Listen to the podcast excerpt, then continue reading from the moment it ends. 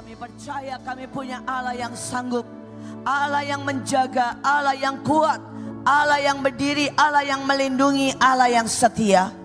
Kami berdoa biar hari-hari ini hidup kami sempurna ada di hatimu. Hidup kami sempurna dalam jalan-jalanmu. Hidup kami dilingkupi oleh sayapmu. Dan kami menjadi kesukaan. Kami menjadi orang-orang yang berkenan di hadapanmu. Mari Bapa, mari Roh Kudus, peluk kami sekali lagi. Masukkan kami dalam keintiman dengan Bapa, Putra, dan Roh Kudus. Sekali lagi, buat kami menyatu dengan Bapa, Putra, dan Roh Kudus. Di saat-saat ini Tuhan, biar hati kami tidak ada jarak dengan Engkau. Mari lingkupi kami. Ciptakan. Buat kami punya roh pengertian. Dan buat kami punya kekuatan. Untuk melakukan tepat seperti yang kau mau.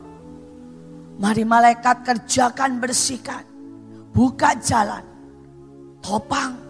Bereskan. Biar sungguh-sungguh tempat ini menjadi tempat kemuliaan. Tempat hadirat Tuhan. Tempat lawatan. Tempat kesembuhan. Tempat kuasa Tuhan dinyatakan. Di dalam nama Yesus. Di dalam nama Bapa, Putra, dan Roh Kudus. Kami sudah berdoa. Dan semua yang percaya berkata, Amin. Shalom. Saudara hari ini saya mau mengajar. Mungkin sedikit pelan-pelan. Dan saya berdoa saudara semua kita belajar. Dan tidak hanya menjadi saudara pendengar. Tetapi terlebih lagi kita menjadi pelaku-pelaku firman. Saudara mari kita mulai belajar. Saudara ada hati Tuhan buat tempat ini. Dan Tuhan berkata aku siapkan mahkota buat Sion. Amin. Saudara tidak cuma orang yang ada di kota Sion. Tetapi kita adalah Sion-Sion rohani saudara. Dan kita semua yang Sion-Sion rohani. Siap menerima sebuah mahkota. Dua, tiga. Saudara ada banyak mahkota. Tetapi hari ini kita bahas empat mahkota. Dan saya berharap saudara kita semua menjadi orang yang menerima mahkota itu. Mari biar dipasang sudah oke. Terima kasih. Saudara mari kita baca ayatnya. Saudara di dalam Yesaya 28 ayat yang kelima. Pada waktu itu Tuhan semesta alam akan menjadi mahkota kepermaian. Dan perhiasan kepala yang indah-indah bagi sisa umatnya. Tapi kata sisa umatnya Saudara dalam terjemahan aslinya artinya bagi mereka yang teruji. Bagi mereka yang tersaring. Bagi mereka yang terpilih saudara. Saudara dan dikatakan akan menjadi roh keadilan bagi orang yang duduk mengadili. Dan menjadi roh kepalawanan bagi orang yang memukul mundur peperangan ke arah pintu gerbang. Saudara hati Tuhan sangat ingin untuk memberikan saudara dan saya mahkota yang pertama. Yaitu mahkota apa? Kepermaian saudara. Atau dalam bahasa aslinya, saudara itu adalah perhiasan kepala penuh bunga yang sangat indah. Tetapi ada syaratnya saudara. Saudara syaratnya adalah tiga. Yang pertama adalah tersaring, teruji, dan terpilih. Ada banyak anak Tuhan maunya saudara langsung terima mahkota. Tetapi pada waktu disaring nggak mau saudara. Pada waktu diuji nggak suka. Apalagi pada waktu terpilih saudara. Mereka berkata ah bebannya banyak, tugasnya banyak. Jadi mereka memilih dan pengennya biasa-biasa saja. Saudara hari ini Tuhan bilang maukah engkau tersaring? Dan Tuhan bilang jutaan mengalami digoyang. Mengalami diayak. Mengalami saudara ditampi. Dan pada waktu mereka ditampi. Pada waktu mereka diayak. Pada waktu mereka digoyang. Beberapa marah. Beberapa kecewa. Beberapa saudara didapati tidak tahan uji. Didapati saudara mereka berkata, sudahlah tidak usah Tuhan-Tuhanan. Tapi hari ini sekali lagi Tuhan berkata, nak, maukah engkau tersaring? Maukah engkau teruji? Maukah engkau terpilih? Jalannya memang gak enak. Tapi mari, biar kita berkata Tuhan, aku mau. Aku mau. Saudara dalam hidup saya, saya adalah orang yang menurut saya saudara, lewati cukup banyak saudara. Saudara dan saya berpikir Tuhan, saya tahu itu anugerah. Saya selalu berkata terima kasih buat anugerah demi anugerah. Sehingga engkau membawa saya sampai sejauh ini. Terima kasih buat sangat banyak. Ya. Saudara ujian, tantangan. Saudara yang harus saya lewati. Dan saya sering kali berkata Tuhan, Betapa anugerah dan kehormatan kalau engkau pilih saya. Tapi kenyataannya saudara, sebenarnya saya bukan orang pertama pilihan Tuhan. Saudara setiap kali saya bersaksi, saya ini orang kelima saudara. Dan pada waktu itu Tuhan sampai berkata pada saya, nak jangan tolak lagi. Kamu orang kelima. Karena orang yang pertama, kedua, ketiga, Saudara pada waktu mereka ditawarkan. Beberapa bilang enggak. Terlalu berat. Terlalu repot. Terlalu aneh. Saudara yang kedua. Mereka pada waktu melakukan dan disuruh Tuhan. Saudara menerima beberapa hal ujian. Mereka mundur dan kecewa. Saudara yang beberapa. Mereka patah di jalan. Dan mereka berkata enggak stop. Saya mau berkata kekuatan itu dari Tuhan asalnya. Tapi seperti kaos yang saudara tulis. Determination, keputusan dari kita. Persoalannya, apakah saudara hari ini mengambil keputusan. Menjadi pasukan terdahsyat. Menjadi generasi terdahsyat.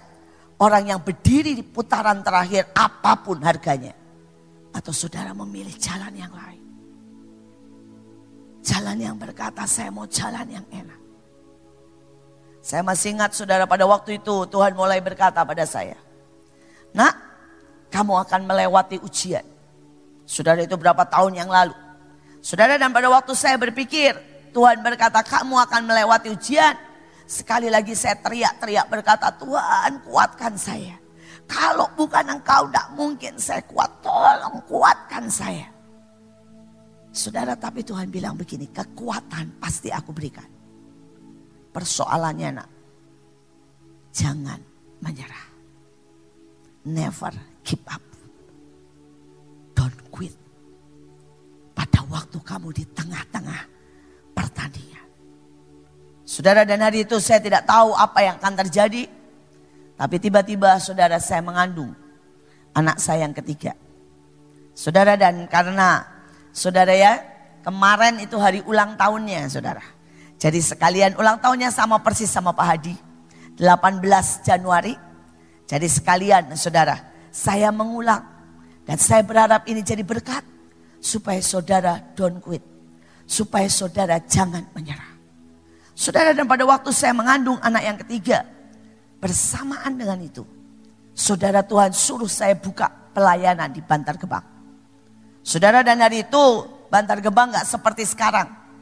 Saudara itu baunya haleluya puji Tuhan. Saudara dan itu ada pohon-pohon yang mengkilap kayak marmer. Tapi kalau saudara dekatin itu semuanya lalat. Saudara hari-hari itu kalau saya ngajar buka mulut saja. Saudara lalat langsung masuk ke mulut. Saudara dan sejujurnya saya sudah tidak tahu berapa menelan lalat. Kalau saudara bilang, Bu kenapa ditelan? Sudah nasuk ke sini, mau dimuntahin di tengah-tengah khotbah susah. Jadi saya telan aja lah udah sekalian. Saudara itu hari-hari. Dan setiap kali sepertinya ada suara berkata, kenapa? Kamu arsitek, lulusan TUDLF. Saudara dan suara itu berkata, yang meminta kamu bekerja lebih dari sepuluh gajinya gede. Ngapain kamu pilih di situ? Tapi hari itu Ujian yang pertama. Bisa enggak kita memilih Tuhan? Berapapun harganya. Tapi belum selesai saudara. Saudara dan pada waktu itu. Saudara tiba-tiba saudara. Tempat itu diserbu. Saudara dan yang menyerbu itu semua warga. Saudara bersama dukun-dukunnya. Saudara dan mereka berkata, kalau tidak keluar out. Dia berkata dalam tiga hari pasti mati. Tantangan itu datang. Tapi sekali lagi perlindungan dari Tuhan. Persoalannya kita terintimidasi atau tidak. Hari itu saya bisa berkata, oke okay, Tuhan, saya ditolak. Bukan saya loh Tuhan. Ya, yang menyerah. Tapi saya ditolak. Saudara iblis berkata kamu nggak salah. Alkitab bilang kalau kamu ditolak kamu boleh keluar. Dan ini warga, saudara dan dukun-dukun mereka berkata pergi dari tempat ini. Tapi hari itu saya tahu Tuhan sudah bilang, nak don't quit. Jangan menyerah. Jangan pernah berhenti pada waktu intimidasi itu datang. Saudara dan hari itu saya meneruskan di situ dan saya berkata sama mereka. Banyak sekali yang membutuhkan pelajaran. Banyak sekali yang membutuhkan bantuan. Dan cuma beberapa yang mengusir saya. Karena itu saya berkata saya nggak akan keluar dari tempat ini. Saudara dan mereka mulai, saudara ya, menyebelikan serangan demi serangan. Dan Tuhan cuma berkata lawan dengan pujian penyembahan. Jadi kami memuji, menyembah, memuji, menyembah. Saudara setiap hari Tuhan minta waktu itu. Dalam tiga hari, mereka kan berkata dalam tiga hari pasti ada yang mati. Dan Tuhan bilang begini, dalam tiga hari nak, setiap hari enam jam menyembah. Saudara dan kita menyembah dalam enam jam setiap hari. Dan pada hari yang ketiga saudara, itu keren sih. Saudara jam 11 malam, saudara satu dukunnya mati. Jam hari ketiga itu, jam 12 satu lagi mati. Jam saudara satu pagi yang terakhir mati. Saudara dan besok paginya semua warga datang. Saudara dan mereka berkata, kami lihat kuasa Tuhan. Dia berkata, bu kami menyerah. Kami tahu yang bersama ibu lebih besar dari yang bersama kami. Dan sejak hari itu sampai hari ini, saudara Bantar Gebang terbuka penuh kemuliaan Tuhan.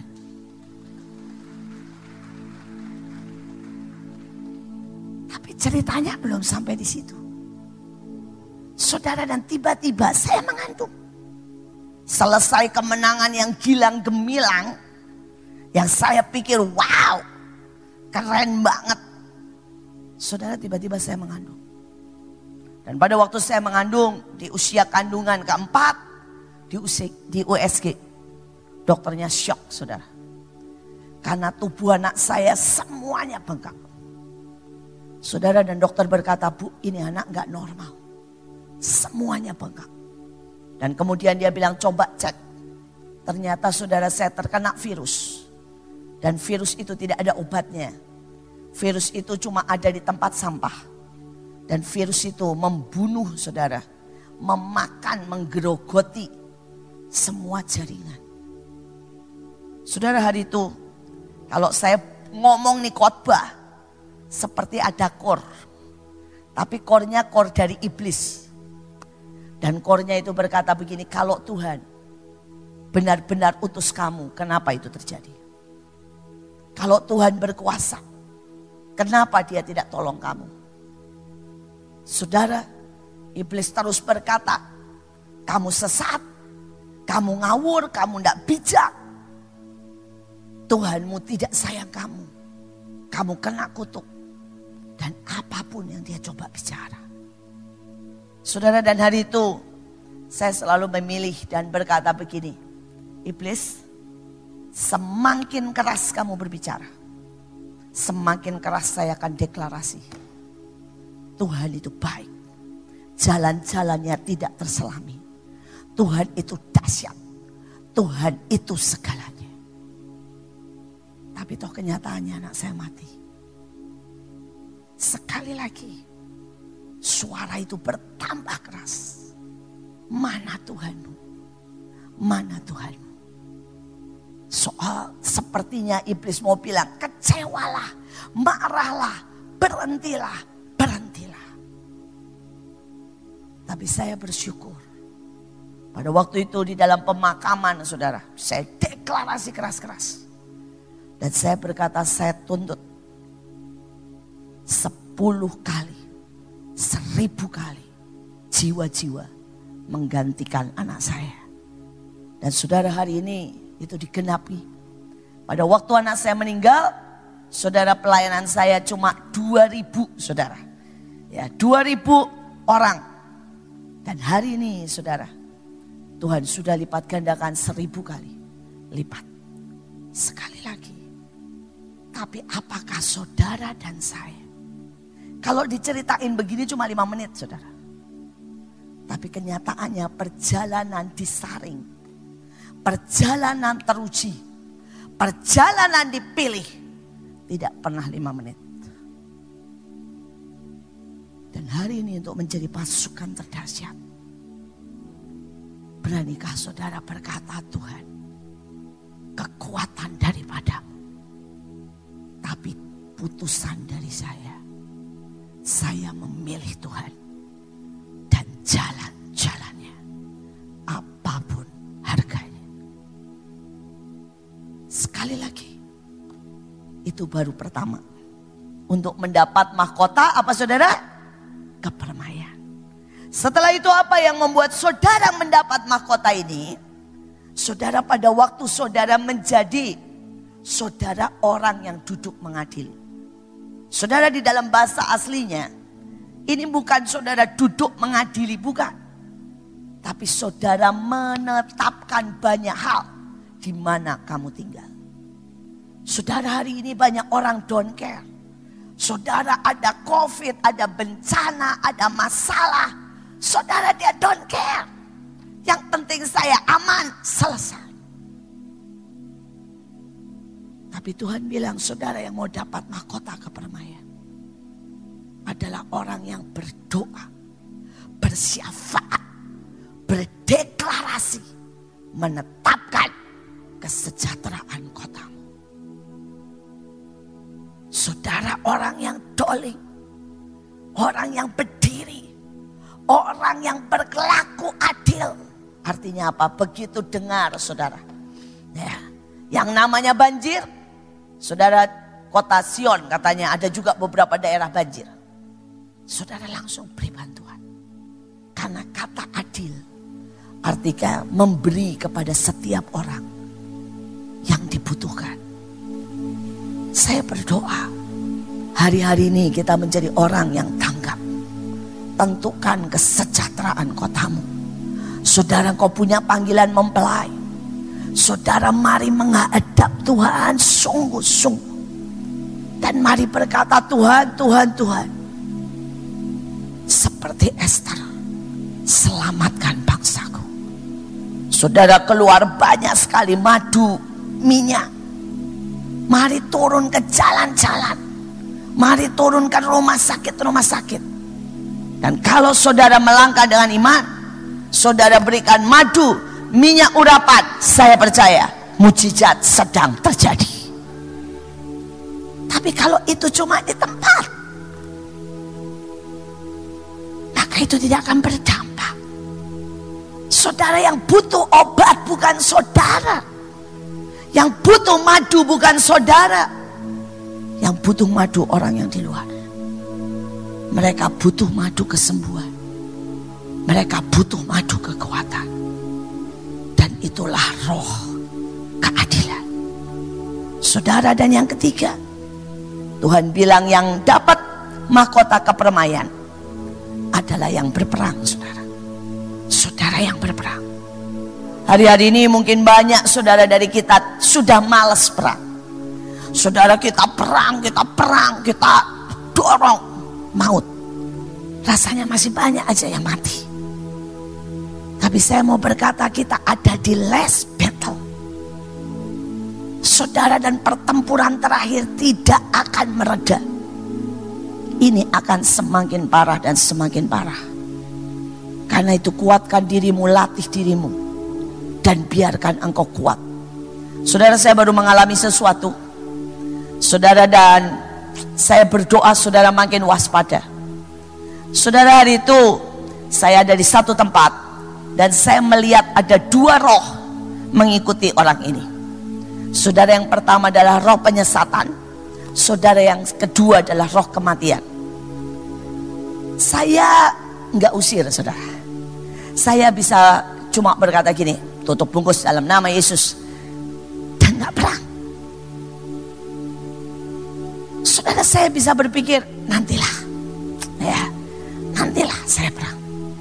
Saudara dan kemudian roh itu mulai bekerja tanpa saya sadari. Dan saya pergi lagi ke tempat lain, saya tahu di situ ada banyak roh. Sekali lagi, saya tidak berperang. Saudara saya cuma urapi, buat pagar, dan setelah itu saudara, saya bilang begini, ah ini kota orang lain, rumah orang lain, nantilah. Saya datang tidak untuk berperang, ada banyak urusan yang lain. Saudara yang ketiga, saudara hari itu Joshua dari Kolombia, nanti dia bisa cerita lebih lanjut. Saudara ya, dan kami teleponan jam 4 pagi, saudara. Saudara, saya sekali lagi Joshua lagi perang, saya nggak perang. Saudara saya melakukan seperti yang Daud lakukan. Di saat orang lain berperang, saya memilih tidak berperang. Saudara saya deklarasi sama Joshua jam 4 pagi. Online, saudara ya. Tapi saya tidak berperang. Saya berpikir begini, ah Joshua udah perang. Saya deklarasi saja penetapan. Saudara dan selesai deklarasi penetapan, HP ditutup saudara. Saudara dan HP ditutup, saya itu berlutut di tengah ranjang. Saudara di tengah ranjang berlutut ke depan saudara. Tiba-tiba ada satu roh datang. Saudara dan itu secepat kilat. Roh itu kasih saya panah tiga. Juruet. Saudara itu nembus ke sini dalam keadaan berlutut loh saudara. Ini baru sekali ini saya ngalamin. Saudara saya terdorong sampai ke belakang. Sampai ke belakang yang namanya ranjang itu. Saudara dan saya terpental ke belakang. Juatuh itu, saudara ranjangnya setinggi ini. Saudara anggaplah saya di sini, saya posisi di sinilah, kurang lebih semeter dari situ. Saya terdorong ke belakang dan saya terbanting ke tanah, saudara. Dan hari itu saudara dengan keadaan sangat kaget, syok. Saya tuding, saya bilang dalam nama Yesus. Dan langsung roh itu pergi. Tapi akibatnya saudara, istilahnya ya apa ya, kecelitak atau ketelir atau apalah akibatnya. Saudara saya itu satu minggu saudara. Nafas saja sakit. Satu minggu saudara. Gak bisa nyanyi. Gak bisa deklarasi. Gak bisa ngomong saudara. Saudara itu kalau saya deklarasi sama ngomong. Sampai mesti ngeremes saudara yang namanya kain atau apa pun karena nahan sakit saudara. Sekali lagi Tuhan bilang nak ini momen-momen kalau engkau tidak berperang habislah engkau. Iblis sedang meningkatkan kekuatannya berlipat-lipat kali ganda. Saudara seumur hidup saya, saya perang dan perang dan perang. Saudara saya berkali-kali ketemu kuasa gelap. Tapi sejujurnya saya baru kali ini saudara terdorong, terpental seperti itu. Baru kali ini. Saya didorong pernah saudara, dua tiga kali. Saya dijegal pernah saudara. Saudara saya dipukul sampai sakit saya pernah. Tapi baru kali ini, saudara saya terdorong cuet, bang, saudara. Dan sekali lagi, Alkitab berkata, dia berikan roh keperkasaan. Saudara ayatnya berkata dia beri roh kepahlawanan dan keperkasaan. energi dan pengertian bagi mereka yang berperang. Tapi kalau saudara nggak perang, itu bahayanya. Saudara selama Daud berperang, dia nggak pernah kalah. Tapi hari itu Daud nggak berperang. Saudara dan iblis datang. Kalau iblis datang dengan saya, saudara ya, dia menghantam saya. Iblis datang kepada Daud dengan perempuan cantik. Dan sekali lagi iblis menghantam Daud. Sejujurnya saya masih lebih bersyukur saudara. Dihantam seperti ini.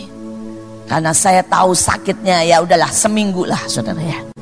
Kalau Daud saudara sampai keturunannya semuanya kelak. Saya berdoa hari-hari ini. Tuhan mau berikan roh saudara keperkasaan. Tapi Tuhan berkata nak putuskan. Putuskan. Untuk yang pertama saudara. Untuk mengikut Tuhan. Punya ketetapan hati. Untuk menjadi orang yang tersaring untuk menjadi orang yang teruji. Saudara yang kedua, tetapkan hatimu untuk bukan menjadi orang yang pasif, tapi menetapkan keadaan nasib berdiri buat kota, buat bangsa, buat gereja. Yang ketiga, tetapkan hatimu untuk berperang. Jangan biarkan hari-hari ini saudara menjadi santai dan lalai. Karena ada begitu banyak jebakan ada begitu banyak hal yang mengerikan. Dan saya berdoa saudara tahu. Jangan mau ditipu dengan iblis dengan berkata begini. Kalau kamu nggak perang, kamu aman. Tapi kalau kamu perang, nanti kena serangan balik. Itu tipuan kuno saudara. Saudara hari itu Adam nggak lagi perang. Hawa nggak lagi perang. Tapi kena. Hari itu Daud tidak perang. Karena itu dia kena. Saudara hari itu, saudara, bangsa Israel tidak mau perang. Karena itu bangsa Israel berputar-putar 40 tahun lamanya. Saudara sekali lagi, iblis bukan gentleman yang berkata kalau kamu nggak perang, saya juga nggak perang. Nggak, saudara. Kalau engkau nggak perang, ayatnya berkata dia seperti singa, cari yang nggak perang dan ditelan habis. Tapi kalau saudara posisi perang, saudara kenakan seluruh perlengkapan senjata Allah. Saudara kenakan pedang. Saudara bawa api nyala di dalam. Dia mundur. Dia mundur. Seumur hidup Joshua memilih berperang. Karena itu dia tidak terkalahkan. Satu kali dia memilih berdamai Gibeon jadi masalah. Saudara seumur hidup Kaleb, dia memilih berperang sampai di usia 80 tahun. Karena itu Kaleb disebut rohnya yang lain. Makin saudara perang, saudara bukan makin lemah. Saudara akan makin kuat. Karena janjinya roh keperlau, roh keperkasaan, kepahlawanan, dan energi diberikan kepada saudara. Saudara kita lihat sekarang mahkota yang kedua. Saudara mahkota yang kedua adalah mahkota keagungan. Yesaya 62 ayat 1, 3 dan 4. Oleh karena Sion aku tidak dapat berdiam diri sampai kebenarannya bersinar seperti cahaya dan keselamatannya menyala seperti suluh Engkau akan menjadi mahkota keagungan di tangan Tuhan. Serban kerajaan di tangan Allahmu. Kepadamu tidak lagi akan disebut yang ditinggalkan. Dan kepada negerimu tidak lagi akan disebut kesunyian. Karena kepadamu akan disebut kesukaanku ada padanya. Dan kepada negerimu yang bersuami. Karena Tuhan bersuka dalammu. Dan negerimu akan dinikahi. Saudara yang kedua Tuhan bilang, aku ini sangat pengen kasih ke Sion sebuah mahkota. Saudara namanya adalah mahkota keagungan. Tetapi ada syaratnya. buat saudara menerima mahkota keagungan. Saudara yang pertama dikatakan saat kebenaranmu bersinar. Saudara ada banyak orang benar tapi nggak bersinar. Saudara-saudara banyak orang nggak berani bersaksi, nggak berani melakukan sesuatu. Saudara itu nggak bersinar. Saudara bertahun-tahun tapi saudara tahu banyak firman banyak tidak pernah memuridkan. Saudara tidak bersinar. Hari ini saya berkata putuskan untuk bersinar. Beberapa orang berkata, Bu saya tidak berani. Mulailah. Saudara mulailah bersaksi dengan tetangga. Saudara mulailah melangkah melakukan sesuatu. Saudara harus bersinar. Pada saat saudara bersinar, mahkota keagungan. Saudara saya baru mendapat kesaksian dari Ibu Yenli dan keluarga saudara. Saudara mereka selama ini nggak berani bersinar. Selama covid saudara nggak berani buka persekutuan. Tapi begitu Tuhan bilang buka nak. Kemudian dengar lagi hamba Tuhan bilang buka nak. Dengar lagi hamba Tuhan bilang buka nak. Sampai akhirnya mereka mulai menyewa hotel kecil. Saudara dan mereka mulai buka persekutuan. Dan hari ini terus dan terus dan terus orang berdatangan dilayani. Saudara tidak pernah kekurangan Saudara tiba-tiba mereka berkata ada sesuatu yang berbeda. Ya, mereka mulai bersinar, saudara. Saya ketemu sama seseorang, saudara. Saudara dia adalah, bayangin saudara dia pemulung. Saudara dan dia cinta Tuhan tapi dia tetap pemulung. Selama ini. Saudara dan pada waktu covid seperti ini. Saudara dia nggak bisa mulung lagi semua tempat tidak boleh dimasuki oleh pemulung. Saudara dan dia bilang, bu saya mesti ngapain? Saya berkata, kamu buka persekutuan buat para pemulung. Dan beri mereka makan.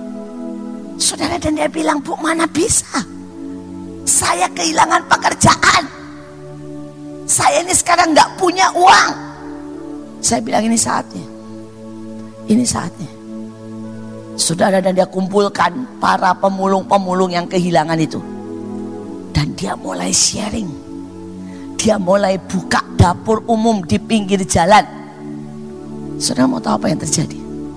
Saudara selama satu tahun 2020. Dia tiba-tiba punya gereja pemulung di pinggir jalan di bawah kolong jembatan. Saudara jumlahnya 200 orang.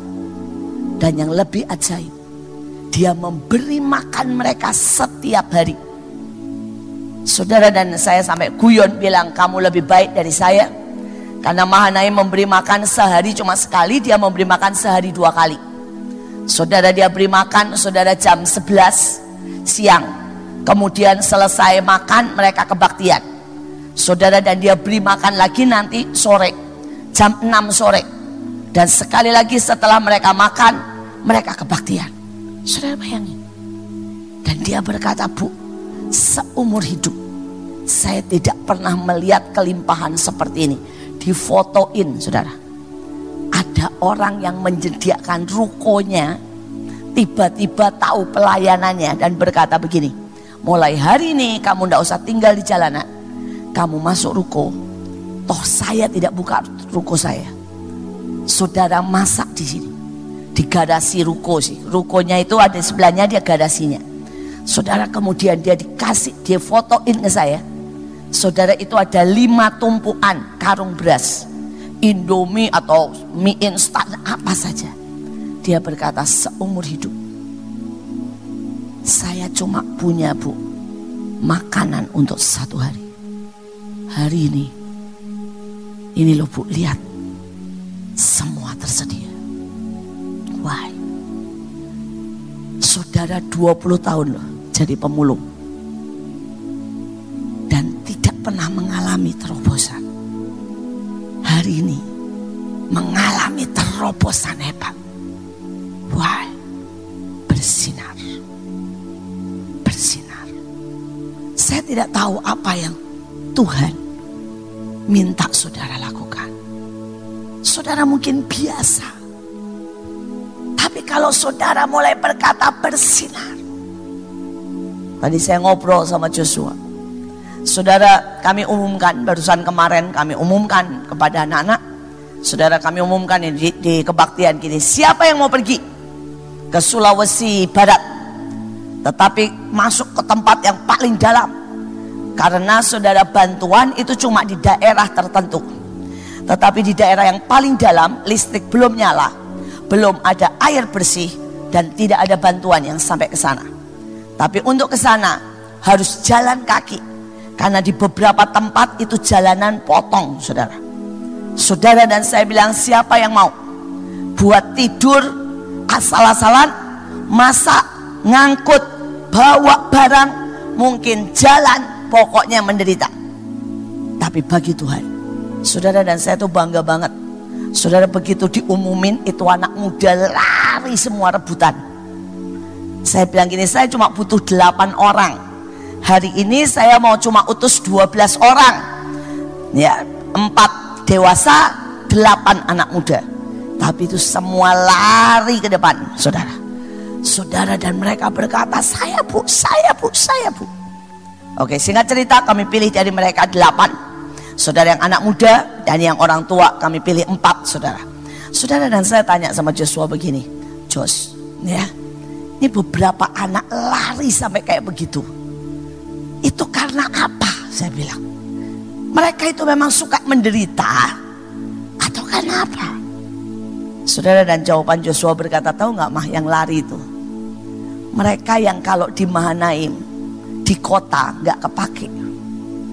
Beberapa bukan orang yang hebat, nyanyi nggak bisa, khotbah nggak terlalu bagus. Mereka bukan orang yang ajaib. Tapi mereka tahu Begitu ada kesempatan untuk bersinar, mereka akan lari paling cepat. Saudara dan Joshua bilang, nanti mama dengar ya. Kalau di pedalaman, mereka tiba-tiba akan jadi bintang. Mereka akan nyembuhin orang. Mereka akan bersaksi. Mereka akan buat mujizat. Mereka akan lakukan lebih dari yang pernah diharapkan. Saudara dan saya tahu beberapa dari mereka itu pernah menyembuhkan orang, mengusir setan, pernah membangkitkan orang mati. Saudara, dan yang ajaib, dia bilang, saudara dan saya tahu, saya saksinya. Setelah pulang itu ya, nanti tiba-tiba dia ngasih mereka berkat, ada yang ngasih jam, ada yang ngasih HP, ada yang ngasih macam-macam. Saudara tiba-tiba mereka sangat, sangat diberkati. Wah, Bukan karena mereka orang hebat. Tapi janjinya iya dan amin. Siapa bersinar, Tuhan kasih mahkota keagungan. Bukan soal berkatnya. Itu cuma tanda perkenanan Tuhan. Tapi persoalannya apakah kita bersinar? Ataukah kita pendam semua talenta? Pernah bersinar. Saudara yang kedua, saat Tuhan bersuka.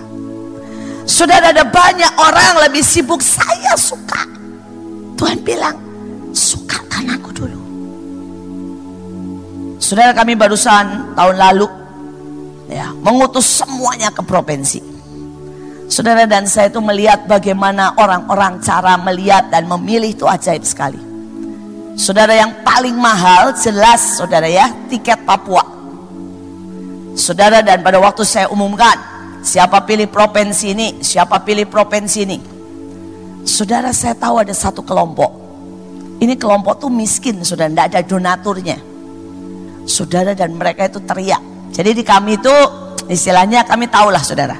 Ini kelompok kaya, ini kelompok donatur, ini kelompok lumayan lah pengusaha.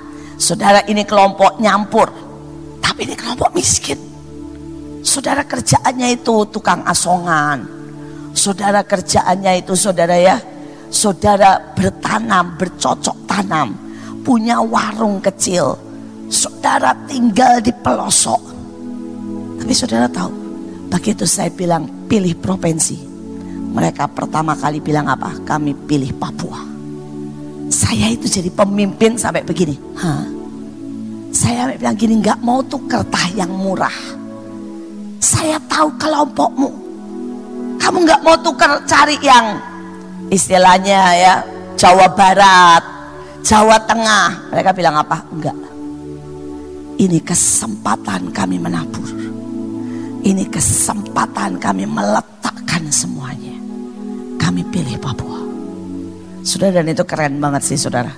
Mereka berangkat Saudara mereka masuki pelosok demi pelosok. Saudara mereka jam 4 pagi buat penyembahan di pinggir pantai saudara. Saudara mereka buat baptisan masal pokoknya keren banget. Dan saya tahu, saya tahu saudara. Tuhan itu bersuka. Saudara hari itu juga selesai mereka melakukan itu. Saudara kepala adat saudara dan pemerintah setempat. Panggil mereka, kasih mereka tanah, tanda tangan di notaris. Saudara dan mereka dapat tanah berapa? Saudara dua hektar. Tuhan tahu artinya memberi mahkota keagungan. Tanda tangan loh saudara di notaris. Dua hektar. Dan orang itu berkata, silakan pakai apa pun juga. Bahkan pemerintah berkata kami bantuin membangunnya. Sekali lagi, Tuhan sangat ingin memberkati. Tuhan sangat ingin memberkati. Tuhan ingin memberikan mahkota keagungan. Tapi apakah kita menyukakan Tuhan? Atau kita cuma berpikir, ya pokoknya saya suka, saya aman, Cari yang paling gampang. Saya berdoa hari ini. Ada sebuah pola pikir yang berbeda. Yang berkata Tuhan, tujuan hidupku membuat engkau tersenyum. Tujuan hidupku membuat engkau tertawa. Coba renungkan kapan terakhir saudara bertekad memberi surprise buat Tuhan. Kapan terakhir saudara bertekad memberi sesuatu yang spektakuler buat Tuhan? Gak soal dirimu, tapi soal Tuhan. Setiap kali saudara, cinta kita memudar, maka kita akan berfokus sama diri.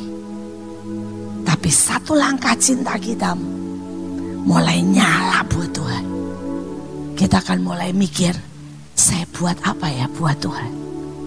Saya kasih surprise apa ya? Supaya Tuhan tersenyum.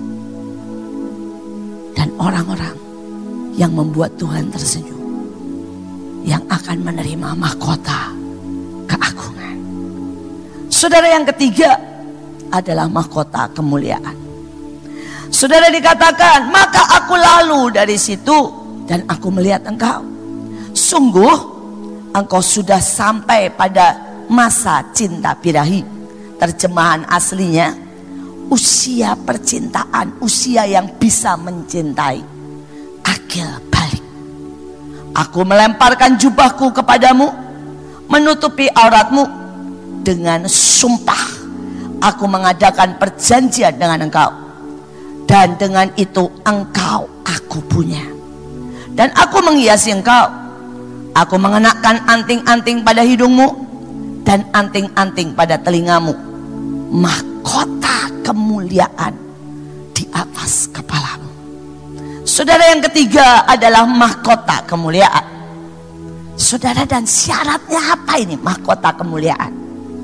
Saudara yang pertama ayatnya dibilang mereka akil balik. Dan ciri akil balik ternyata bisa mencintai. Saudara selama saudara ini belum akil balik, saudara menuntut dicintai. Selalu berkata Tuhan, sayangi aku. Tuhan, peluk aku. Tuhan, tolong aku. Boleh. Tapi Tuhan bilang, nah aku tunggu. Aku tunggu. Sampai engkau akil balik. Dan bisa mencintai. Saudara pada waktu engkau bisa menyintai, Itu berbeda. Beda saudara. Tiba-tiba tidak pernah soal saudara. Tiba-tiba saudara melihat Tuhan dan saudara itu benar-benar jatuh cinta. Saudara saya itu uh, guyon sama Tuhan. Saya bilang begini, Tuhan, kenapa ya ada orang-orang yang saya sangat cinta, saya benar-benar berikan banyak hal. Perhatian, kasih, pendidikan, doa. Tapi mereka berbalik mengkhianati saya. Mereka berbalik menusuk. Mereka marah. Mereka saudara ya memaki saya. Tetapi kenapa ada orang-orang yang saya maki, saya tindas, saya kasih beban berat. Tapi sampai hari ini mereka semakin menyintai saya. Semakin dekat, semakin mengabdi. Terus Tuhan senyum, Tuhan bilang begini. Karena yang golongan pertama ini memang belum dewasa mereka cuma minta dimanja, dimengerti, disayang. Dan tidak punya kemampuan mencintai. Tapi ada golongan di sini yang mereka bahkan tidak minta dicintai. Tapi mereka punya kemampuan mencintai, mengabdi, memberi menjadi orang yang selalu meletakkan adalah sebuah kehormatan. Hari ini, saudara ada di mana? Ada orang-orang di sini, saudara. Yang saudara ya, saya tegur, saya bilang, ayo kamu ini nggak suka perang. Perang, marah. Apaan sih? Perang-perang terus. Saudara oke, okay. saya bilang ini saya yang cover. Memangnya saya butuh di cover? Saya sudah cukup dewasa. Apa pun saudara. Kalau saudara dia datang mukanya sedih, saudara tanya begini. Kenapa mukanya sedih? Ngapain sih ngikut, ngatur, selalu mencap yang salah. Tapi kalau didiemin, muka sedih bilang saya dicuekin, gak diperhatiin. Kenapa memang dasarnya nggak bisa dicintai dan tidak bisa menyintai. Saudara dan Alkitab jelas pakai kata impotent to love and to be loved. Saudara mungkin saudara bilang, bu orang-orang itu bisa berkeluarga, bisa. Tapi sering kali mereka tidak mengenal yang namanya agape. Mereka cuma kenal yang namanya poses. Mereka cuma kenal eros. Mereka kenal saudara bahwa mereka lah yang harus dituruti maunya. Dalam segala keegoan mereka. Hari ini, apakah saudara sudah akil balik? Apakah saudara ini orang-orang yang bisa menyintai? Ataukah kita masih menjadi orang yang berkata, Tuhan, saya butuh keselamatan, saya butuh Tuhan, urapan saya butuh karunia dan saya berkata Tuhan akan kasih semuanya. Tapi itu menunjukkan saudara belum akil balik. Hari ini saya berharap ada orang-orang yang berkata, buat aku mengerti Tuhan.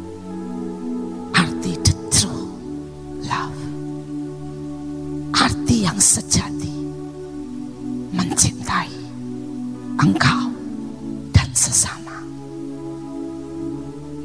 Saudara dan sering kali ini tanda ya kalau saudara sudah dewasa, saudara bisa menerima kebenaran sekeras apa pun. Ada banyak orang tidak bisa menerima kebenaran pada waktu orang itu mulai dikatakan, kamu itu suap. Padahal memang suap, marah. Yang satu mungkin pada waktu Tuhan menegur dan berkata kamu itu nggak punya iman. Marah. Joshua pakai istilah ugly truth. Bisa enggak kita ini? Tuhan berterus terang. Kalau saudara mulai mau jadi dewasa, bolehkah Tuhan mulai berterus terang? Membongkar kesuaman kita, kemunafikan kita, keegoan kita, kepecundangan kita, kepengecutan kita. Saudara, keletihan kita. Atau kita mau berkata Tuhan please ngomong baik-baik. Please yang enak-enak. Kita mungkin pengennya diperlakukan. Halo cantik, hebat. Dan kita tidak bisa menerima kebenaran. Saya berharap firman ini saudara renungkan. Bolehkah Tuhan memaki kita dan mengatakan the truth hidup kita, kondisi kita, hati yang paling dalam dari kita. Saudara dan hanya mereka yang akil balik maka Tuhan bisa buat perjanjian. Saudara Ibu Nani uh, notaris, jadi beliau bisa lebih menjelaskan. Nggak ada saudara ya perjanjian dibuat saudara sama Kaila walaupun itu cucu kesayangan. Kenapa belum akil balik? Saudara dan hari-hari ini Tuhan sangat pengen untuk memberikan perjanjian demi perjanjian. Saudara Alkitab berkata hanya pewaris perjanjian yang akan menaklukkan dunia. Hanya pewaris perjanjian yang bisa menerima warisan. Saudara dikatakan di Alkitab engkau akan tetap dianggap sebagai budak. Kalau engkau belum akil balik. Beberapa orang berkata sama saya, Bu, kenapa saya nggak punya otoritas? Kenapa saya rasanya? Ya, terus dibuat bulan-bulanan sama iblis. Seringkali jawabannya simpel, karena kamu masih akil, belum akil balik. Tapi kita tidak mau terima kenyataan. Bahwa kita belum akil balik. Kita tidak mau terima kenyataan. Bahwa kita masih iri. Paulus berkata kalau kamu iri, marah, tidak bisa ditegur. Ada perselisihan di antara kamu, sakit hati. Maka kamu belum dewasa secara rohani. Sekali lagi, ini bukan saudara hal yang saudara bisa langsung mengerti. Tapi saya berharap pulang, saudara renungkan. Dan saudara mulai berkata, Tuhan bongkar hidupku. Saudara ini adalah saat, saya tuh kalau dengerin khotbah Ibu Nani, mulai dari soal putaran terakhir, generasi terdahsyat. Saudara saya suka ketawa begini. Ini kalau dilakuin dan ngerti, seluruh Indonesia sudah terima lawatan. Saya sering kali berkata bagaimana orang bisa dengar tentang Lot, tentang semuanya dan santai aja. Saudara, kenapa banyak orang nggak ngerti keadaan dirinya? Dan saya berdoa sekali lagi seperti saya punya cucu ya, Miel, saudara ya, Misael, saudara El Karen. Hmm. Saudara dan dia senyum-senyum. Kalau di khotbah saudara ya, wah saya khotbah kencang dia senyum-senyum. Nanti kalau kita perang dia bisa teriak-teriak kayak ngerti saudara. Ya, yeah.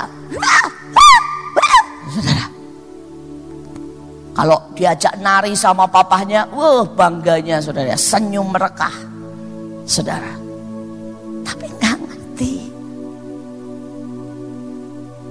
Banyak anak Tuhan seperti itu. Kalau perang ikut teriak. Khotbah ikut amin, amin. Pelayanan jalan terus. Tapi nggak ngerti. Dan hari ini saya berharap saudara teriak dan berkata Tuhan beri aku roh pengertian. Dan buat mulai dari aku mengerti kondisiku yang sebenarnya. Yang terakhir adalah mahkota kebenaran. Saudara di dalam 2 Timotius 4 ayat 8, sekarang telah tersedia bagiku mahkota kebenaran yang akan dikaruniakan kepadaku oleh Tuhan Hakim yang adil. Pada harinya, tetapi bukan hanya kepadaku, melainkan juga kepada semua orang yang merindukan kedatangannya. Saudara, versi lain untuk menerima mahkota kebenarannya tiga. Saudara empat, saudara ya. Yang pertama yang menyintai pewahyuan. Saudara pewahyuan itu berbeda dengan baca Alkitab, berbeda dengan dengerin firman. Kalau saudara dengerin firman atau saudara baca firman Tuhan dan tiba-tiba saudara berkata, "Tuhan, aku minta pewahyuan." Dan ada satu firman yang membuat saudara sampai nangis, bertobat, melakukan sesuatu yang sangat tepat. Itu pewahyuan. Tapi kalau saudara cuma baca dan amin, amin, amin. Dengerin begini, amin, amin, amin. Maka saudara belum sampai pewahyuan. Saudara kata wahyu itu disikapkan. Kata wahyu itu dikoyakkan semua selubung. Saudara kata wahyu saudara. Itu semua yang membuat kita buta saudara. Seperti katarak dioperasi. Juret. Dan kadang-kadang Tuhan butuh pisau yang sangat tajam untuk mewahyukan itu. Saya melihat sebuah film dan film ini keren juga saudara. Saudara film ini uh, kejadian sesungguhnya. Saudara dia seorang seorang jenderal, seorang yang sangat bangsawan. Saudara dia orang yang sebenarnya pinter dari golongan elit yang keren banget. Dialah saudara salah satu presiden Amerika, Franklin. Saudara dan dia berpikir semua baik. Negerinya baik, semua baik. Saudara dan dia pikir dia sudah memberikan banyak buat bangsanya. Sampai tiba-tiba dia kena polio, saudara. Dan pada waktu dia kena polio, saudara, dia menjadi cacat dan lumpuh. Keluarlah semua aslinya. Dia jadi pemarah. Dia jadi pemabok. Dia marah sama Tuhan. Dia tidak percaya sama Tuhan. Dia kecewa berat. Saudara dan dalam kondisi seperti itu. Dia mencoba mencari kesembuhan. Dia dengar saudara ada satu daerah. Saudara itu ada air panas yang punya mineral.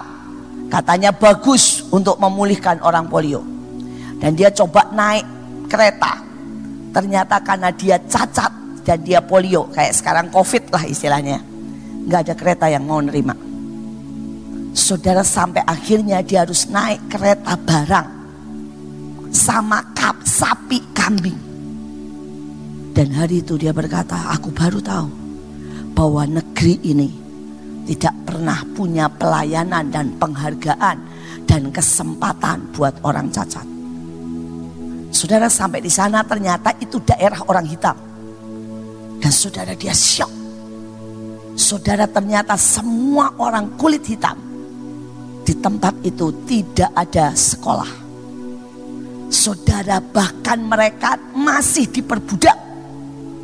Saudara dan mereka bahkan tidak boleh duduk satu meja dengan orang kulit putih. Saudara dan hari itu dia berkata, saya pikir saya tahu negeri saya.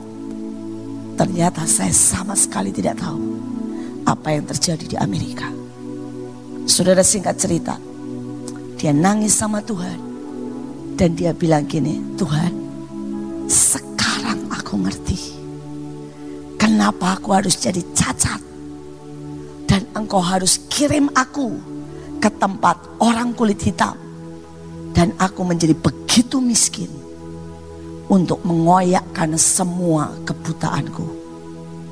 Dan inilah the true wahyu.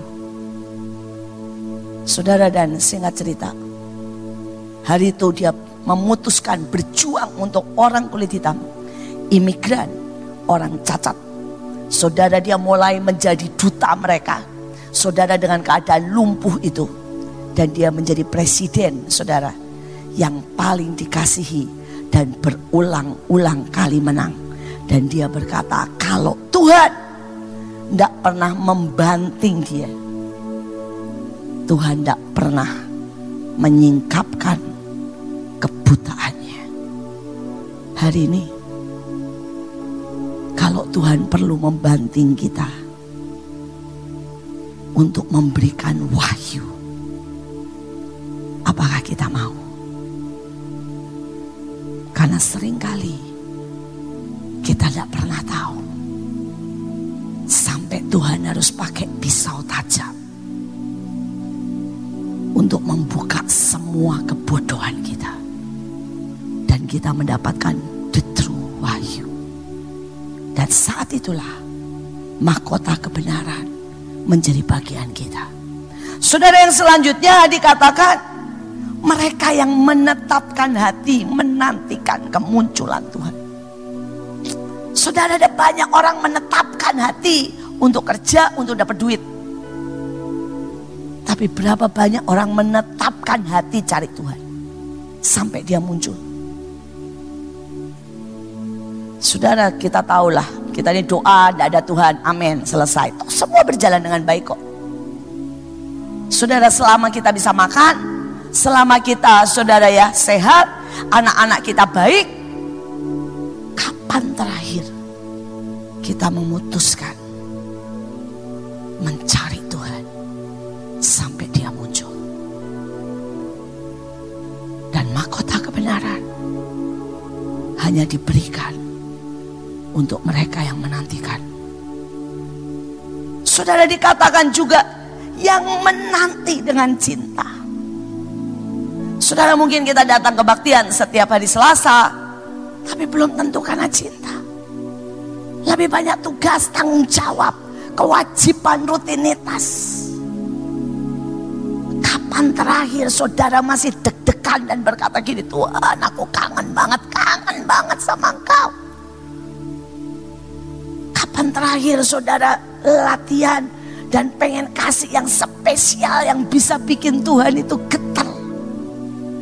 Kapan terakhir kau nyanyi, kau nyembah dengan air mata mengalir. Saudara saya pernah berkata hari itu Olvi saudara ya.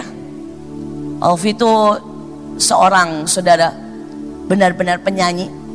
Dulu bersama-sama dengan banyak bintang film. Tapi kemudian dia jatuh saudara dalam banyak hal. Sampai dia jadi penyanyi klub.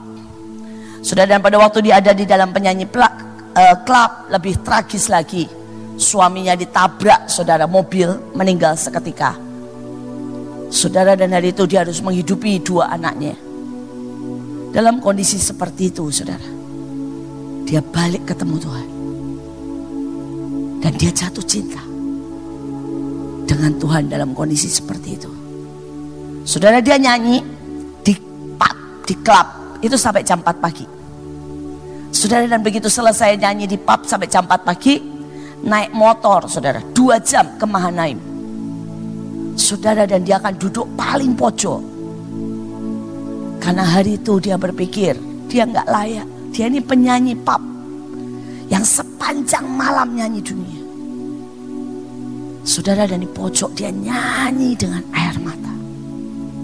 Hari itu saya lagi khotbah. Saudara dan tiba-tiba di akhir khotbah ketika kita semuanya nyanyi saya dengar ada suara. Tapi Tuhan tiba-tiba bilang yang di pojok itu bukan karena suaranya bagus. Getar cintanya itu menarik aku. Tuhan bilang habis kebaktian panggil dia. Aku mau dia ada di panggung. Tuhan bilang aku mau dia ada di mesbah. Karena dialah yang meletakkan dan membuat ukupan itu naik bukan mereka yang nyanyi di sini. Saudara hari itu saya panggil dia. Dia nangis dan dia bilang gak mungkin bu, gak mungkin saya dipilih Tuhan. Mulut saya ini penuh dengan lagu dunia. Kotor. Tapi saya tahu. Saudara dia menggetarkan Tuhan karena cinta. Saudara dan setiap kali dia nyanyi. Semua orang saudara. Lewat streaming, lewat apa pun. Sampai lain sama saya.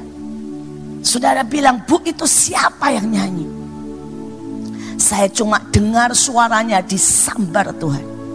Saudara ada yang saudara lagi dikuasai sama roh stres dengar suaranya lepas. Saudara pokoknya banyak kesaksian.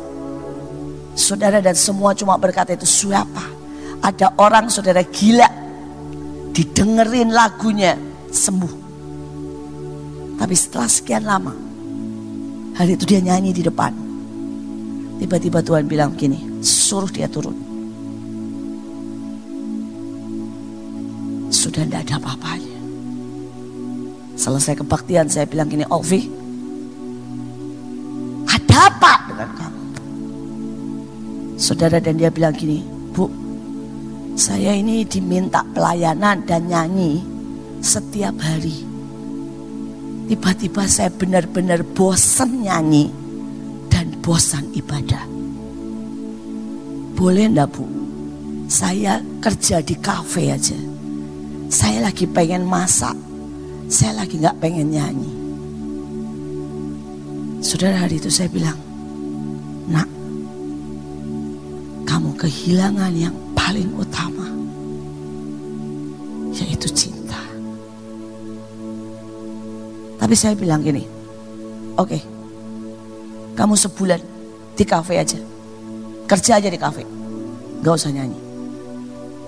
Karena buat Tuhan menjijikkan kau nyanyi tanpa cinta. Saudara dan dia butuh waktu cukup lama. Mungkin sekitar tiga bulan. Untuk kembali menemukan cintanya. Dan kembali menyanyi. Menggetar hari ini? Apakah kita masih menyanyi? Menggetarkan menjijikkan Tuhan? Apakah kita masih menari menggetarkan Tuhan? Saudara hari itu saya nggak saya nggak tahu Punike. Hari itu saudara Punike itu penari terjelek di Mahanaim. Nih jujur-jujuran saudara ya. Saudara hari itu Mahanaim punya Hadasah Tina. Itu bayangin dari empat tahun sudah jadi penari balet. Dan saudara kalau orang lain ngangkat kaki segini dia segini. Saudara, split semua jago. Saudara hari itu ada Obet. Saudara dan Obet itu pelatih nari. Dari sejak dia berusia 12 tahun. Saudara ada yang namanya Michael. Saudara itu orang Ambon asli, masih ada darah sedikit Israel. Saudara hari itu dia yang bisa ngangkat perempuan pakai tangannya. Bes, saudara. Jadi dalam kondisi seperti itu, ada lagi yang lain yang jago-jago, yang keren-keren. Bunika itu masuk di tim Mahanaim. Dan hari itu, maaf kata, di sini ada papa mamanya, tapi maaf kata, dia hari itu penari terjelek saudara. Dengan badan terkaku. Dan saya nggak tahu. Di balik itu. Saudara tapi pada waktu dia nari dan nari. Saudara tiba-tiba Tuhan bilang begini. Angkat dia menjadi pemimpin penari. Saudara saya bilang begini bu. Eh saya bilang begini. Tuhan nggak akan ada yang menghormati saya bisa bayangin gak sih kalau yang diangkat nari itu penari terjelek. Kira-kira penari lain bakal menghormati nggak, saudara? Gak akan. Saya bilang harusnya yang diangkat itu obet kayak saudara ya hadasah, siapa yang lain? Tapi Tuhan bilang angkat dia. Saudara saya panggil, saya nanya. Saudara dan saya bilang, ceritakan kenapa kamu nari. Saudara dan dia bilang saya ini punya masalah. Saya pernah jatuh. Dan kemudian otot pinggang saya atau apa pun lah masalah. Sehingga sering kali sangat sakit. Dan biar saya dia bilang tapi saya memutuskan menari. Sesakit apa pun. Dan sejak hari itu saya perhatikan rupanya dia kalau nari sering kali menahan sakit. Saudara dan hari itulah Tuhan jatuh cinta dengan dia. Buat Tuhan itulah tarian cinta. Tarian korban. Hari ini beliau memimpin pasukan penari sejumlah lebih dari 10 ribu penari saudara. Saudara kalau sudah tanya apakah Bunike menjadi penari terbaik, tetap jelek. Saudara kalau dibanding semua penari di Manaim, tetap kalah saudara. Tetapi saudara, tetap tarian cintanya. Bukan soal gerakannya. Setiap kali dia memilih untuk menyiapkan segala sesuatu. Setiap kali dia memilih membuatkan karpet merah nggak tidur bikin jubah untuk para penari lain. Bahkan sering kali dia nggak nari. Saudara dia cuma membuat jalan buat penari lain.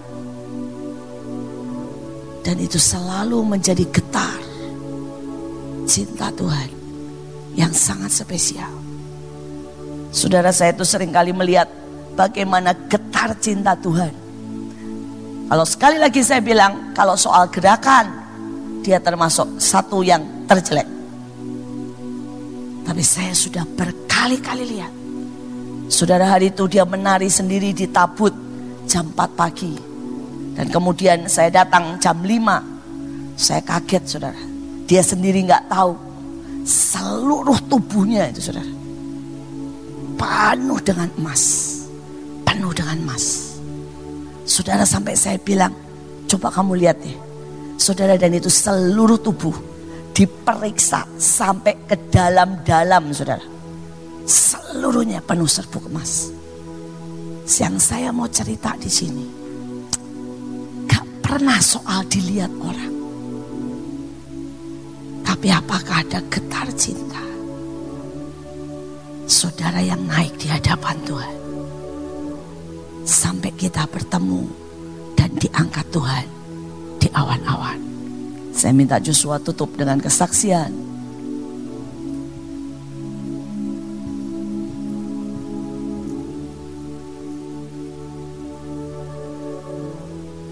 Saudara buat saya apa yang Tuhan mau berikan buat Sion adalah sangat luar biasa. Ada empat mahkota yang Tuhan mau berikan untuk setiap saudara di tempat ini, amin.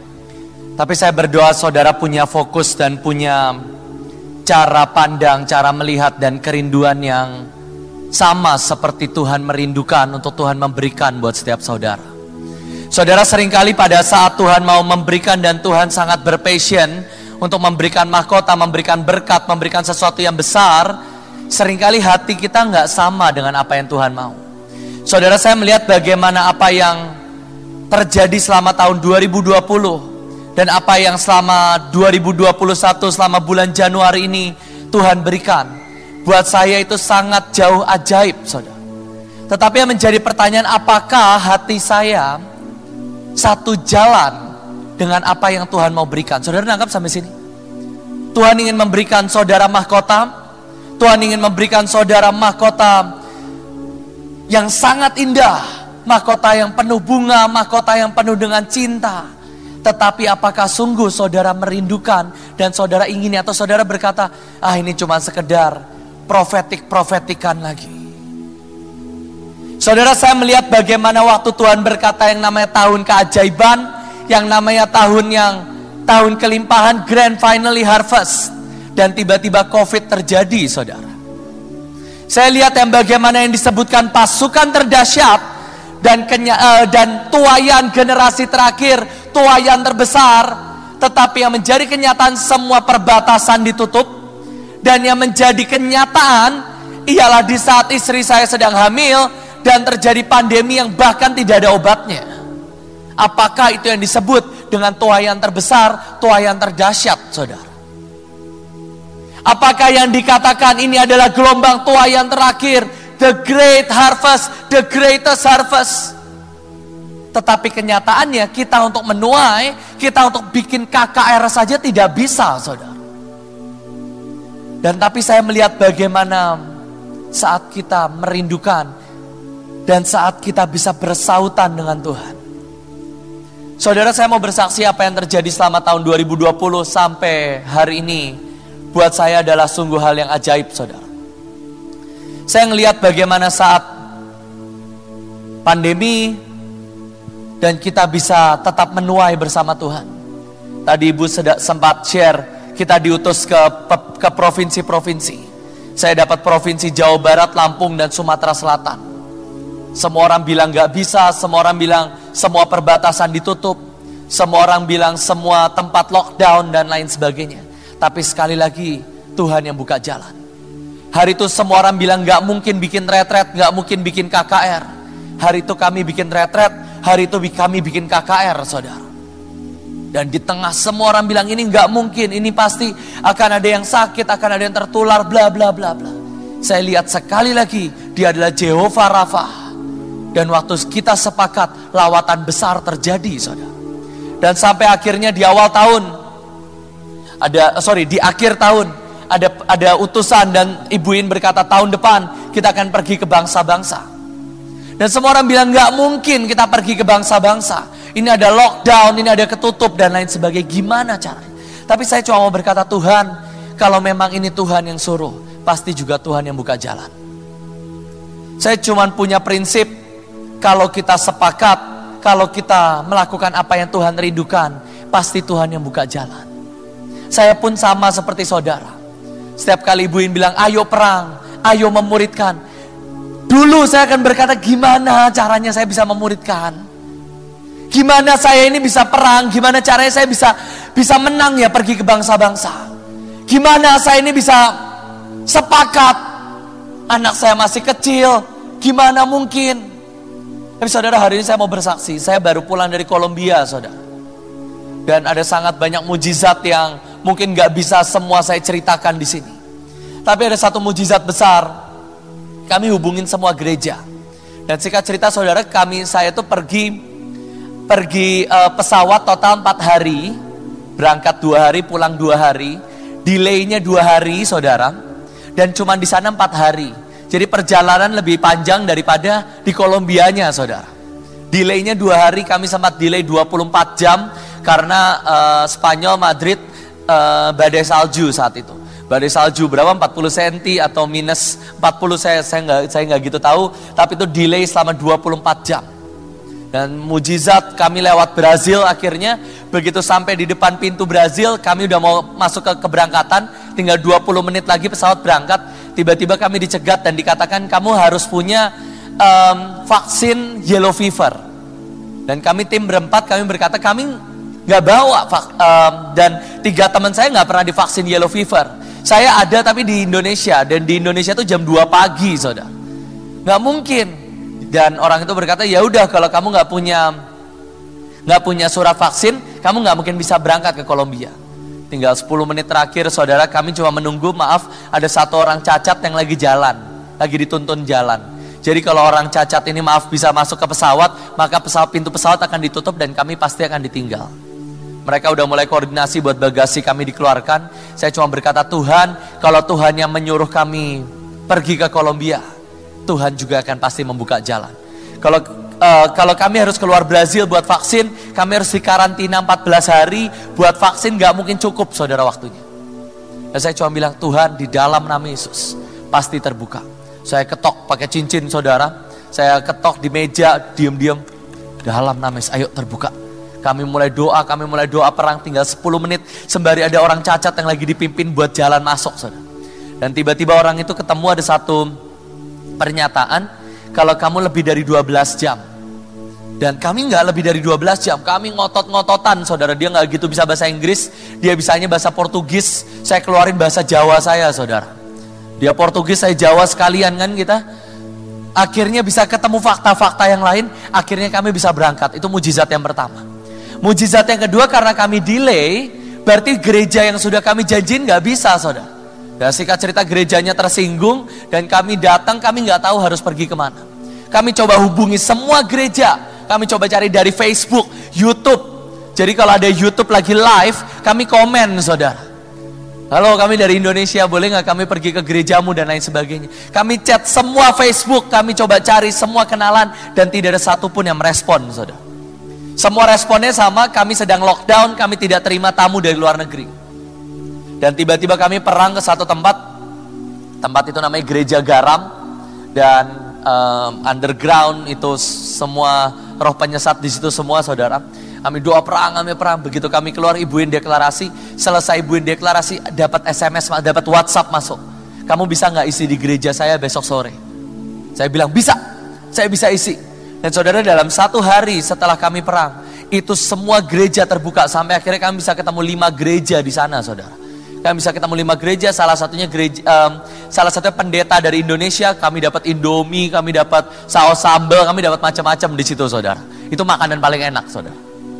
Ada satu lagi barbecue babi. Nah, udah cuma dua itu yang enak. Tapi nggak selesai. Buat kami pulang, kami harus PCR.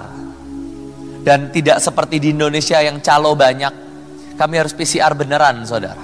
Dan dari kami berempat, kalau ada satu orang yang positif, otomatis kami nggak mungkin tinggal. Kami pasti akan tunda semuanya. Kami doa, kami doa Tuhan. Ini kalau sampai hasilnya positif, ini kami nggak bisa pulang Tuhan.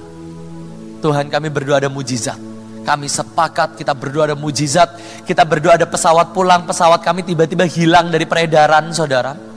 Tiba-tiba pesawat kami di cancel, tiket saya nggak keluar. Saudara bisa bayangin betapa penderitaan saya ini saudara tiket saya nggak keluar, pesawat saya um, cancel.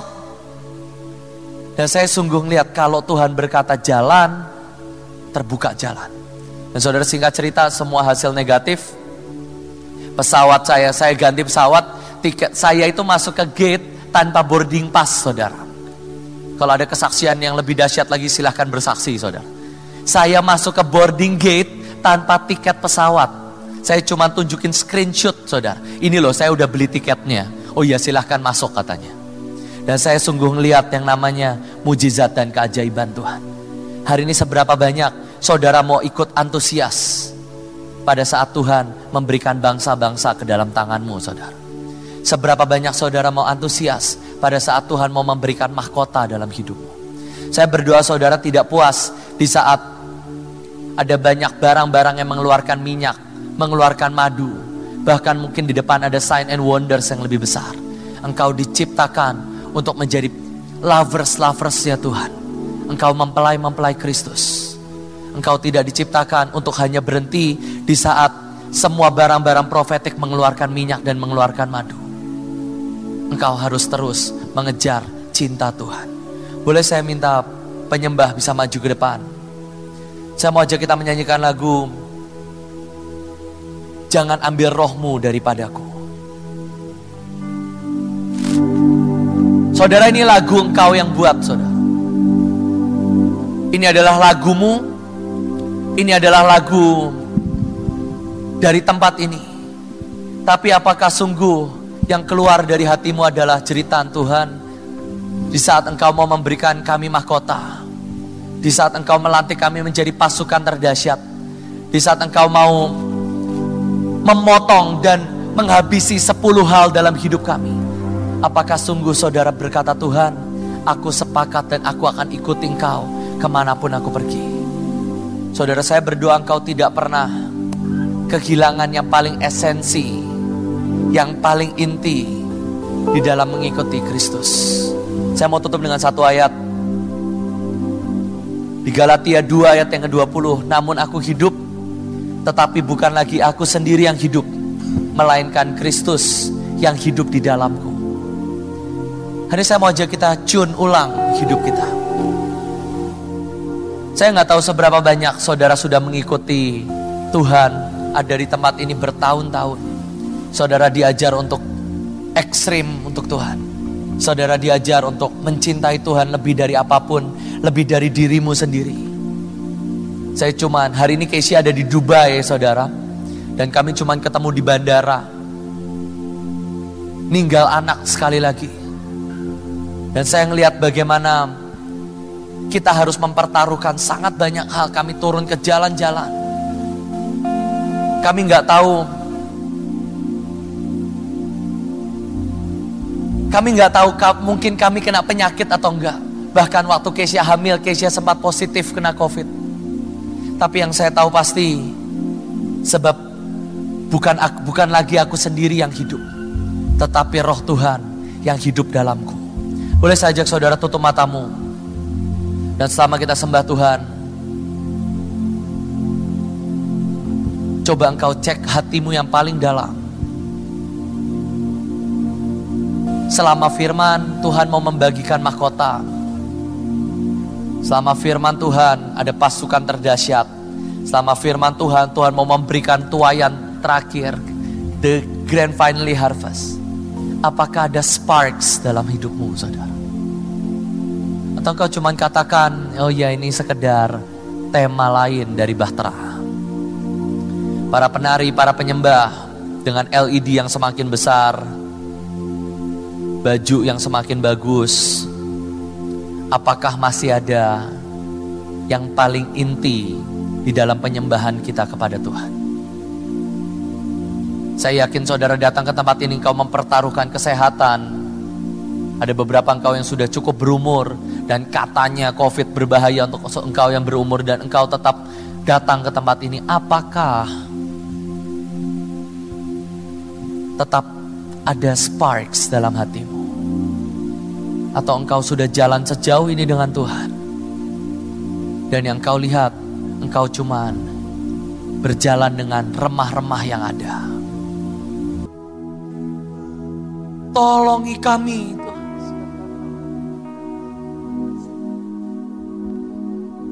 Tolongi kami Tuhan.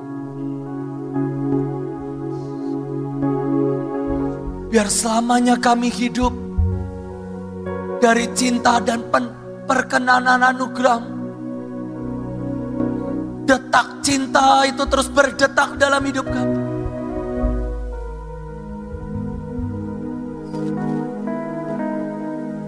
Terima kasih Tuhan. Diberkati dan selalu kesukaan selamanya. Selamanya selamanya selamanya. Selamanya. Sion jadi kesukaan Tuhan. Selamanya, selamanya Terima kasih. Biar bukan lagi kami yang hidup, melainkan Engkau yang hidup dalam kami. Hembuskan cintamu, hembuskan perkenananmu Tuhan. Terima kasih Tuhan. Di dalam nama Yesus. Kami berdoa dan mengucap syukur. Amin.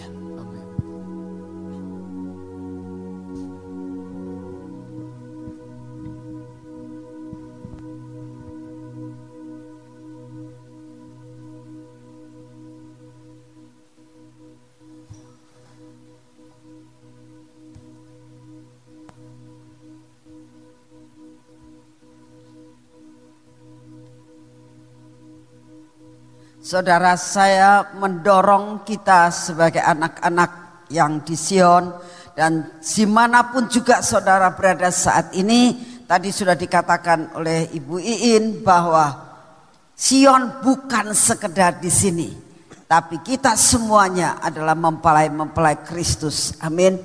Jadi saya minta setiap hari setiap hari sisipkan doa ini apa doanya? Tuhan, paksakan aku untuk aku benar-benar jatuh cinta kepadamu. Minta dipaksa. Nanti Tuhan punya seribu satu jalan untuk membuat sampai kita bisa mencintai Tuhan. Sampai ada pujian dari Mahanaam yang mengatakan setiap selku setiap sel dalam tubuhku mencintaimu. Sebenarnya itu titik daripada apa yang Tuhan mau dan rindukan. Dan saya yakin dan percaya kita akan bisa mendapatkan empat mahkota yang sudah disediakan buat setiap anak-anak Tuhan yang mengasihi akan Tuhan kita. Amin. Kita diberkati Tuhan luar biasa. Saat ini kita akan mendengarkan beberapa pengumuman dan siapkan hati untuk kita bisa melihat apa yang saat ini sedang Tuhan kerjakan, terutama kita pelayanan di tempat-tempat uh, kampung-kampung, desa-desa, dan juga di lereng-lereng gunung. Ada pengumuman?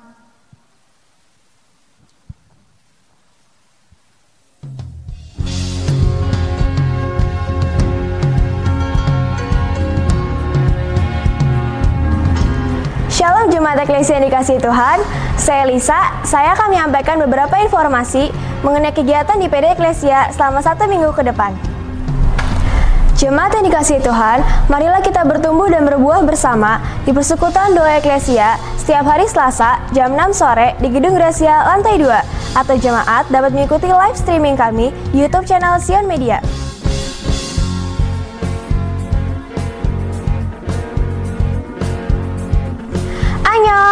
Buat kalian yang masih muda, yuk ikut gabung di ibadah Lifeguard Youth Community setiap hari Jumat jam 6 sore di Gedung Gracia, lantai 2. Untuk informasi lebih lanjut, kalian bisa follow Instagram kami di @lifeguard.community.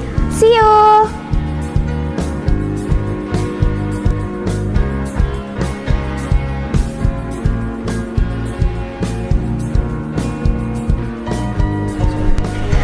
adik-adik, yuk gabung di ibadah Sion Kids setiap hari Selasa jam setengah tujuh malam di Aperum Gedung Gracia. Ditunggu ya adik-adik, Sion Kids berakar, bertumbuh, berbuah. Sampai jumpa, dadah! Demikian informasi yang dapat saya sampaikan. Selamat malam, Tuhan Yesus memberkati.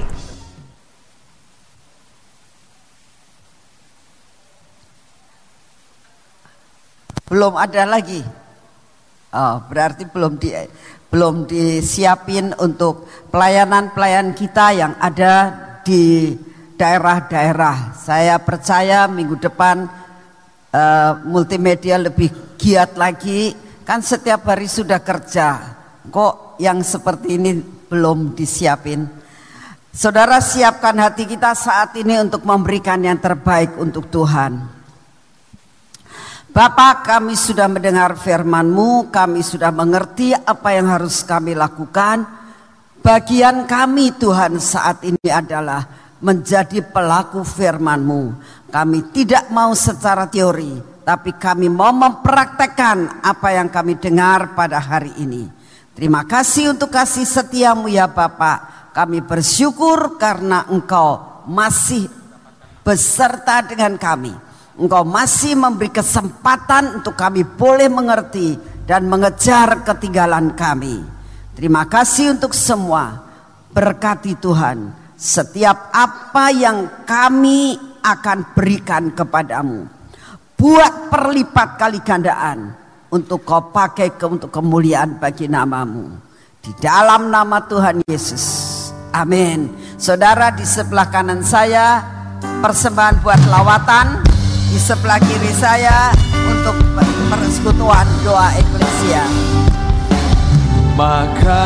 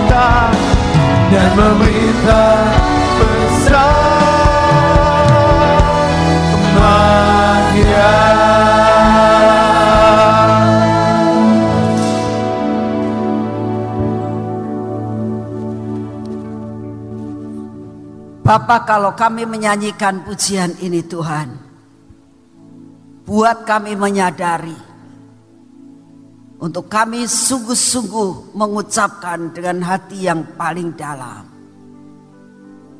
Kami lebih mengutamakan